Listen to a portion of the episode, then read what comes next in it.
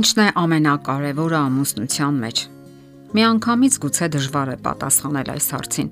Գոյություն ունեն բազմաթիվ գործոններ, որոնց հանրագումարն ի վերջո երջանկացնում է ամուսնական միությունը։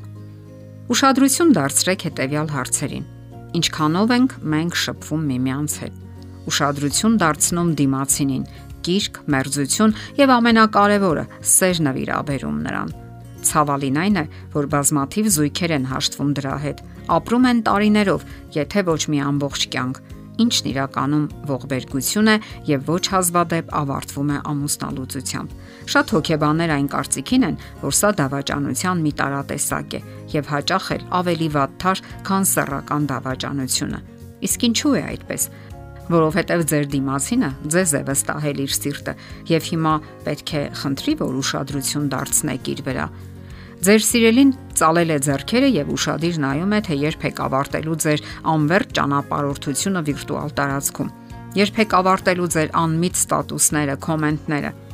կամ սպասում եք, թե երբ եւ ինչպես են մեկնաբանելու կամ սրտիկելու ձեր համացանցային նկարները։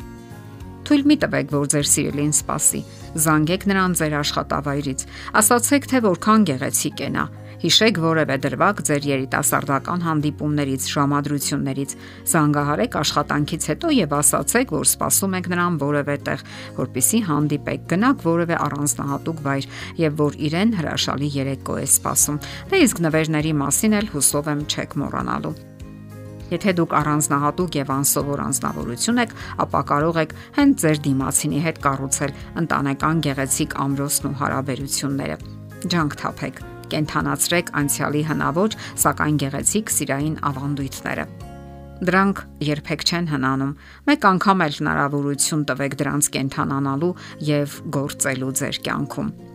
Երբ դուք քայլում եք փողոցով, բռնում եք նրա ձեռքը, թե վախվորած եւ ամոթխած այս ու այն կողմ եք նայում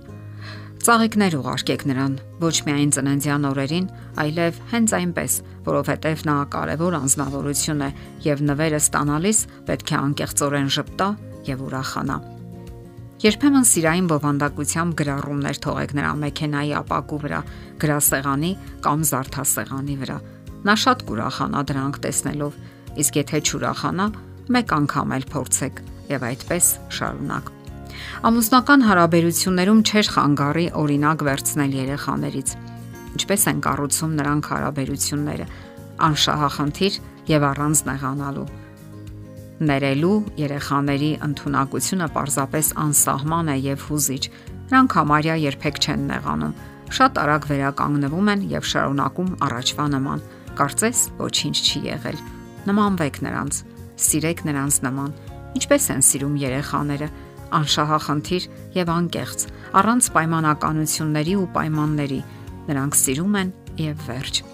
Նախորդ հաղորդումների ժամանակ մենք խոսել ենք այն մասին, որ ամուսնական դավաճանության տարբեր ձևեր ու նրբերանգներ կան։ Դա միայն սեռական հարաբերությանը չի, որ վերաբերում է։ Դավաճանություն է, երբ ձեր դիմացինին զրկում եք ձեր ժամանակից, ուշադրությունից, հույզերից եւ քնքշանքի տարբեր ձևերից, եւ այն ուրիշներին եք նվիրաբերում։ Մեր ժամանակների ամուսնական հիմնախնդիրներից մեկն էլ այն է, որ զույգերը դադարել են միմյանց սիրել, սիրատացել եւ պարզապես հարգել։ Մենք մեծահասակներս կարող ենք թույլ տալ մեզ լինել խոցելի եւ վիրավորվող, սակայն չէ որ կյանքն անցնում է, մենք վատնում ենք այն անկարևոր, հաճախ էլ չնչին բաների վրա եւ անտեսում ենք այն, ինչն իսկապես կարևոր է եւ էական դա սերն է։ Կենտրոնացեք միմյանց վրա, ավելի ու ավելի շատ ժամանակ հատկացրեք միմյանց։ Հիշեք ձեր անցած տարիները, խոսեք ձեր զգացմունքներից, կիսվեք ձեր անհանգստություններով ու տագնապներով, բարձրաձայնեք այն, ինչը մտահոգում է ձեզ։ Չէ որ նա չի կարող կարդալ ձեր մտքերը։ Միասին որևէ գիրք ուսումնասիրեք։ Ամուսնական հարաբերություններում շատ կարևոր է հոգեվոր միաբանությունը Միասին Աստվածաշունչ ուսումնասիրեք, գնացեք որևէ հետաքրքիր դասընթացի, միասին աղոթեք ձեր խնդիրների համար։ Ժամանակն անցնում է։ Ինչ եք ձեռք բերել միասին։ Մտածեք այդ մասին։ Որքանով են կարևոր ձեզ համար նյութական ձեռքբերումները։ Որևէ բան դրանք տվել են ձեզ։ Նյութական արժեքները բնականon երևույթ են, բայց երբեք ամենակարևորը չեն անհամեմատ ավելի կարևոր է թե ինչ հարաբերություններ եք ստեղծել միասին։ Այս պահին ձեր կողքին է ձեր սիրելի էակը եւ դա ամենակարևորն է։ Երբ կորցնեք նրան, կապսոսակ չասված խոսքերի եւ բարի վերաբերմունքի համար,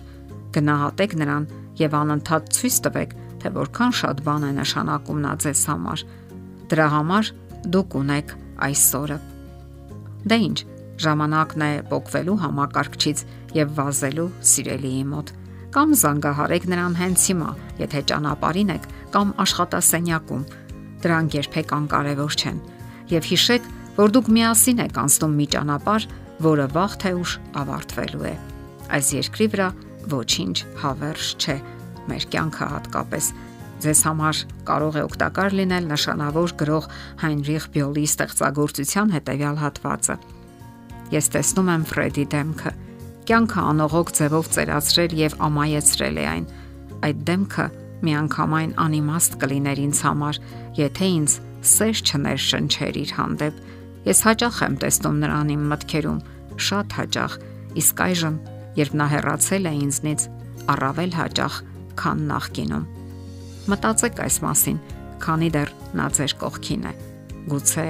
վաղը ուշ լինի։ Եթերում ընտանիք հաղորդաշարներ։ Ձեզ հետ է Գեղեցիկ Մարտիրոսյանը։